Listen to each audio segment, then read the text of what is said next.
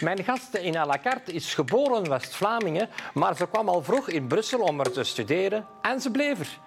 Vanuit haar jeugdig engagement begon ze aan een succesvolle politieke carrière als Brussels parlementair, Vlaams minister en schepen in Schaarbeek. Onder andere over die gemeente heb ik het graag met Adelheid Bittebier. Wat denkt u nu van Brussel? Is Brussel een helhol? Lukt er niets in Brussel? Hoe gaat het nu met Brussel? Goed of slecht? Gaan we nu vooruit of achteruit? Een stad waar te veel auto's zijn? Of zijn de fietsers te arrogant? Wilt u er komen wonen of willen jullie juist weg? Welkom bij à la carte Adelheid Bittebier. Goeiedag. Ja, jij hebt aangekondigd dat je geen kandidaat meer zult zijn bij de verkiezingen, de gemeenteraadsverkiezingen. Je bent heel lang schepen geweest in Schaarbeek. Waarom heb je die beslissing genomen? Ik zal altijd bezig zijn met projecten.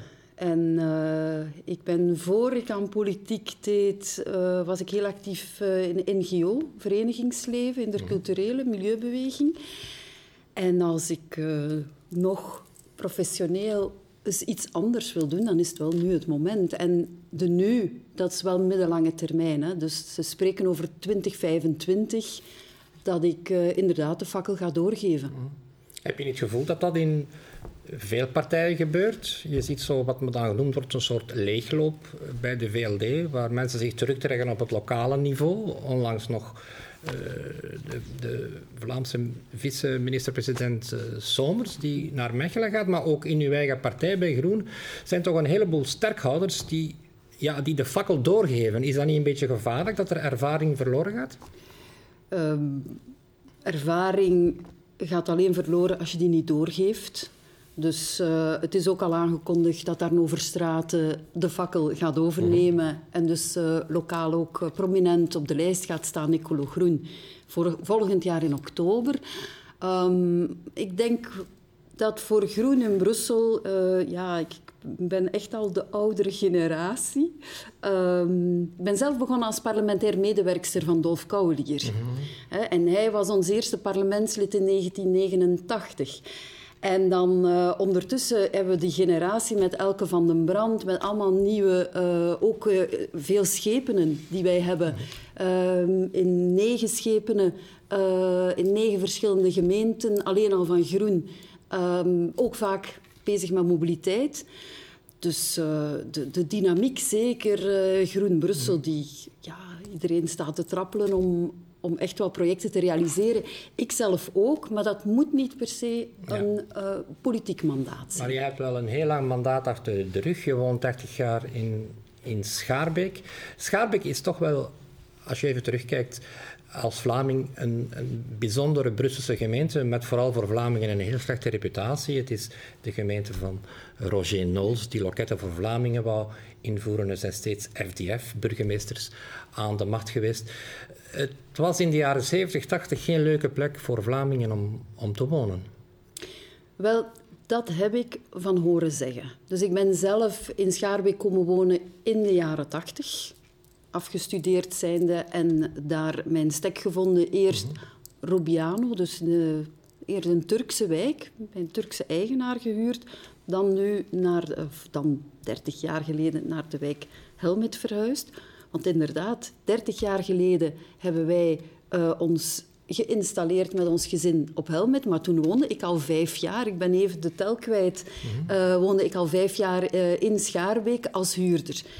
Um, en ik heb uh, Schaarbeek heel veel zien veranderen. Maar uh, die moeilijke jaren waar u van spreekt... Uh, en ik heb veel aandacht voor geschiedenis, heb ik ook wel gehoord. Ook van bijvoorbeeld een, een Marokkaanse of, collega, schepen van Marokkaanse origine die mij sprak over Noos, die met zijn kamelen om te zeggen ga terug naar huis. Dus dat, dat moet ongelooflijk ingrijpend geweest zijn. En, en we zijn daar nooit van gespaard. Dus uh, werken aan democratie, die democratische krachten, verenigingsleven, die blijven voeden, daar blij mee zijn. Ook als ze niet altijd zeggen wat de politica maar graag hoort. We moeten dat, dat, er, houden. Dat, dat, dat Frans dat toch wel heel present was in uh, Schaarbeek, waar Vlamingen toch wel behoorlijk vernederd werden, dat heb jij nooit meegemaakt? Het vernederen niet, maar dat het Frans een evidentie is, terwijl we toch wel in een tweetalig hoofdstedelijk gewest zijn, dat is nog wel een jammerlijk. Dat is nog altijd een werkpunt, zullen we het zo zeggen? Het is, het is jammerlijk en het is vooral jammer voor, uh, ik zal nu maar zeggen, niet voor mij, want ik trek mijn plan in de twee talen. Maar ik denk als wij in Brussel op die tweetaligheid en bij uitbreiding ook Engels en andere talen uh, het werk van Sven Gats hè, als minister, als wij dat echt veel meer zouden op ons visitekaartje zetten als Brussels hoofdstedelijk gewest, ja, dat is een troef die, die weinig andere steden hebben. Dus we moeten dat omarmen. En, en dat zeg ik ook aan mijn Franstalige collega's. Maar je, je weet dat er bij Franstaligen daar toch vaak een beetje soms passieve of zelfs onbewuste tegenwerking tegen is, tegen die tweetaligen. En ik kan me voorstellen, als je dan in een, een gemeente werkt waar de burgemeester van, uh, van Defi-signatuur is, dat je dat wel eens voelt aan bepaalde zaken. Aan, wat voel je het dan bijvoorbeeld? Ik, ik heb een groot verschil gemerkt tussen mijn mandaat tien jaar in het Brussels hoofdstedelijk parlement, waar de regering een quasi-pariteit heeft Nederlands-Frans, en mijn werk nu, sinds eind 2018, in uh, als, uh, 2012, ja, ja, opnieuw. Een goede tien jaar, uh, elf jaar als schepenlokaal, waar er één schepen Nederlandstalig is. En dan hadden we het geluk, een paar jaar geleden, uh, niet alleen ikzelf van Groen, maar ook van Open VLD, een tweede schepen op elf personen. Dus die, die verhouding die voel je heel sterk uh, in, in de gewone werking. Ik ga vaak Nederlands spreken, maar nog vaker Frans tijdens werkvergaderingen ja. op het college. Um, het is niet de vernedering, absoluut niet. Ik denk dat daar uh, gelukkig het beleid van de Vlaamse gemeenschap, van de VGC, is altijd toch een zeer open beleid geweest. Ook sociaal voelend, ook uh, ja, uh, echt stedelijk. -hmm. En dat wordt, kijk maar naar de jonge gezinnen in Brussel, van om het even welke moedertaal, dat wordt geapprecieerd. Ja. Het werk in onze scholen, en we zitten daar ondertussen met tweede, derde generatie kinderen in het Nederlands, whatever, wat de thuistaal -hmm. ook is, dat wordt geapprecieerd. En, en dat is ook dat is onze tweede troef. Hè? Ja, maar ja. Schaarbeek is een gemeente die het laatste jaar uh, nogal negatief in het nieuws geweest is. Alles wat je daarover leest in de krant, is, het is nogal spectaculair. Laten we het ons eerst hebben over mm. de mobiliteit. Een paar jaar geleden is er toch wel een soort bewustwording uh, bij uh, bepaalde mensen ge gegroeid in Schaarbeek dat het zo niet verder kon toen een jonge journaliste van de Standaard ja. werd doodgereden. Ik denk dat dat toch een keerpunt geweest is. Maar dan zie je dat er zo'n oppositie is tegen elke aanpassing van een mobiliteitsplan, good move om het niet te noemen, je vraagt je af van waar komt die, die oppositie? Want de, de, de, volgende burgemeester, de dienstdoende burgemeester, Bernard Claire heeft u gewoon beslist van die beslissing over Good Move over de verkiezingen te tillen. Dat is mm. toch wel vreemd? Dat is absoluut vreemd en is niet geapprecieerd. Niet door mij, maar ook door veel andere collega's niet, omdat het gaat over een uitspraak van een titelvoerend burgemeester en de dienstdoend burgemeester die heel wat werk verzet en waar we op een heel faire manier van mening kunnen verschillen, maar toch samen projecten leiden, Cecile Jodonje, dat is de persoon die de dossiers in handen neemt en die weet wat er op het terrein leeft. Nu, ik, ik, het, het in, ik word er ook door geïnterpelleerd. Zo van, wat is er nu echt aan de hand? Um, is het een stuiptrekking? Is het een soort terugslag? Want er verandert hier zoveel. Want we hebben zoveel andere problemen die reëel zijn, zoals uh, het, uh, een drugsprobleem, zoals een probleem van vervuiling, zoals een probleem van facturen niet kunnen betalen. Is, is die, uh, die combinatie van problemen die een uitweg zoekt naar hetgeen dat het meest tastbaar is en het meest aan de voordeur ligt, het parkeren en, en de mobiliteit, is het dat? Of gaan we echt een andere weg op dan diegene die we ingeslagen hebben. Dat en dat zou heel jammer zijn. Want, de, de weg die we ingeslagen... Ik ga toch even... Ja, de weg ja. die we ingeslagen zijn, dat is met het Good Move-plan aan het Josafatpark. Zeer positief geëvalueerd. Niemand wil daar nog terug naar de twee richtingen zonder ja. fietspaden aan het park. een tweede uh, wijk aan het uh, gemeentehuis. Met getoeter, luchtvervuiling, allemaal auto's die ook heel gestresseerd waren. Waar het nu ook vlot loopt, dankzij Good Move. En dan hebben we de derde wijk die nu on hold is. Dus we hebben twee goede voorbeelden. En wat wij eigenlijk gehoopt hadden, en misschien te veel op vertrouwd hebben, dat is dat die positieve ervaringen, die twee andere wijken, dat een derde wijk die heel dicht bevolkt is, die een combinatie van problemen... De Berenkuil. We hadden gehoopt dat zij het... Ja, zouden gemotiveerd zijn met de mooie resultaten die er op andere plaatsen U heeft een grote inspanning gedaan. U heeft vergaderingen georganiseerd met de burgers, waarbij politici zelfs niet mochten aanwezig zijn. Er worden er zo, denk ik, vier vergaderingen georganiseerd. En dan trekt de dienstdoende burgemeester de conclusie: de tegenstellingen zijn te groot. Dit is onoverbrugbaar. We moeten dit over de verkiezingen tillen. Dat is toch wel een rare conclusie. Het is totaal niet mijn conclusie, integendeel.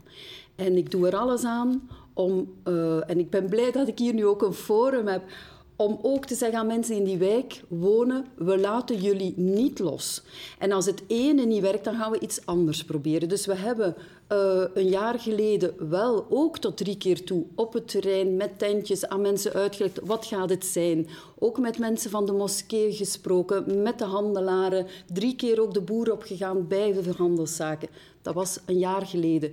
We hebben toen een hold moeten zetten, omdat daar nogal, wat dat ze zeggen, virulente reactie was. Er waren Vaak risico... van dezelfde mensen die komen roepen zijn op de gemeenteraad van Anderlecht bijvoorbeeld. Ja, het is heel vreemd. Ja, het was een momentum vorig jaar, uh, eind oktober, de maand oktober, was een risicovolle maand. Omdat je een combinatie kreeg en in Schaarbeek van verschillende dossiers en ook daarbuiten en een, een mobilisatie. Ik ben er vast van overtuigd dat we op dat jaar tijd met het investeren dat we gedaan hebben, het praten met mensen, opnieuw, opnieuw een toerke draaien, als je het mhm. wilt anders formuleren, maar dus uh, meer gaan spreken, uh, meer gaan uitleggen. En, en dat moeten we doen. Dat wij de wijk beter kennen en dat het de clivage, het echt mensen tegen elkaar opzetten. Ik hoop dat wij, dat elke politicus van om het even welke partij de verantwoordelijkheid zal nemen om dat niet te doen. Maar het lijkt er toch sterk op dat de roepers aan de macht zijn en dat er een gebrek is aan politieke moed. Angst voor de verkiezingen, angst voor de kiezer. Op een publieke meeting hoor je roepers en die nemen de macht. Wij hebben het geluk gehad om uh, de mensen die deelgenomen hebben aan het burgerpanel. En dat waren uh, eh, 34 mensen die inderdaad die vier dagen rond die thema's mhm. gewerkt hebben, die specifiek in die wijk wonen. Tweederde van die mensen zijn op een avond dat aan ons komen uitleggen. De leden van het college waren aanwezig. Het was een collegevergadering met mhm. uh, ervaringsdeskundigen, de bewoners, die het ons kwamen uitleggen dit had moeten gefilmd worden. Want dat was zo respectvol. We dus moeten beslissingen nemen. het over de verkiezingen, dus er is eigenlijk niks beslist. Ik ga daar niet mee akkoord. Goed zo. Omdat de burgemeester... Het is zelfs niet de dienstdoende, de dienstdoende Het is de titelvoerend burgemeester die een communicatie voert. En we gaan dat debat uh, politiek houden, inderdaad. Omdat het... We moeten goed opletten welk signaal dat we geven. Hè. Uh, als, als inwoners investeren in hun wijk, als ze komen, als ze daar moeite voor doen, om het even van welke overtuiging ze zijn, dan moet je dat ernstig nemen. Dan kan je dat niet met een one-liner one torpederen. Maar helaas heeft u uw meerderheid, ik mag het woord niet meer gebruiken, maar uw gemeente is niet direct een voorbeeld van goede politieke cultuur. Er is zelfs geen meerderheid meer in uw college. Dus het, eigenlijk kan de gemeenteraad, kan de meerderheid geen beslissingen meer nemen, omdat er een vijftal mensen gewoon overgelopen zijn. Daar komt nog bij dat één schepen de andere beschuldigt van, uh, van seksuele aanrandingen. Uh, dat houdt niet op, heb ik de indruk. Het is eigenlijk een gemeente die niet meer bestuurd wordt momenteel. Dat klopt niet. Uh, maar u hebt wel gelijk wat betreft onze gemeenteraad. Het klassieke formaat van meerderheid-oppositie werkt niet in Schaarbeek. Waarom werkt die niet? Mathematisch. Mathematisch werkt die niet.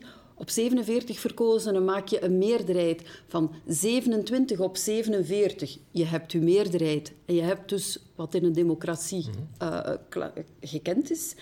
Op vandaag hebben we er nog 23. En het klopt dat bij Ecolo Groen wij met tien verkozenen zijn, verkozen door de burger en nog altijd met tien Ecolo Groen in de gemeenteraad zitten.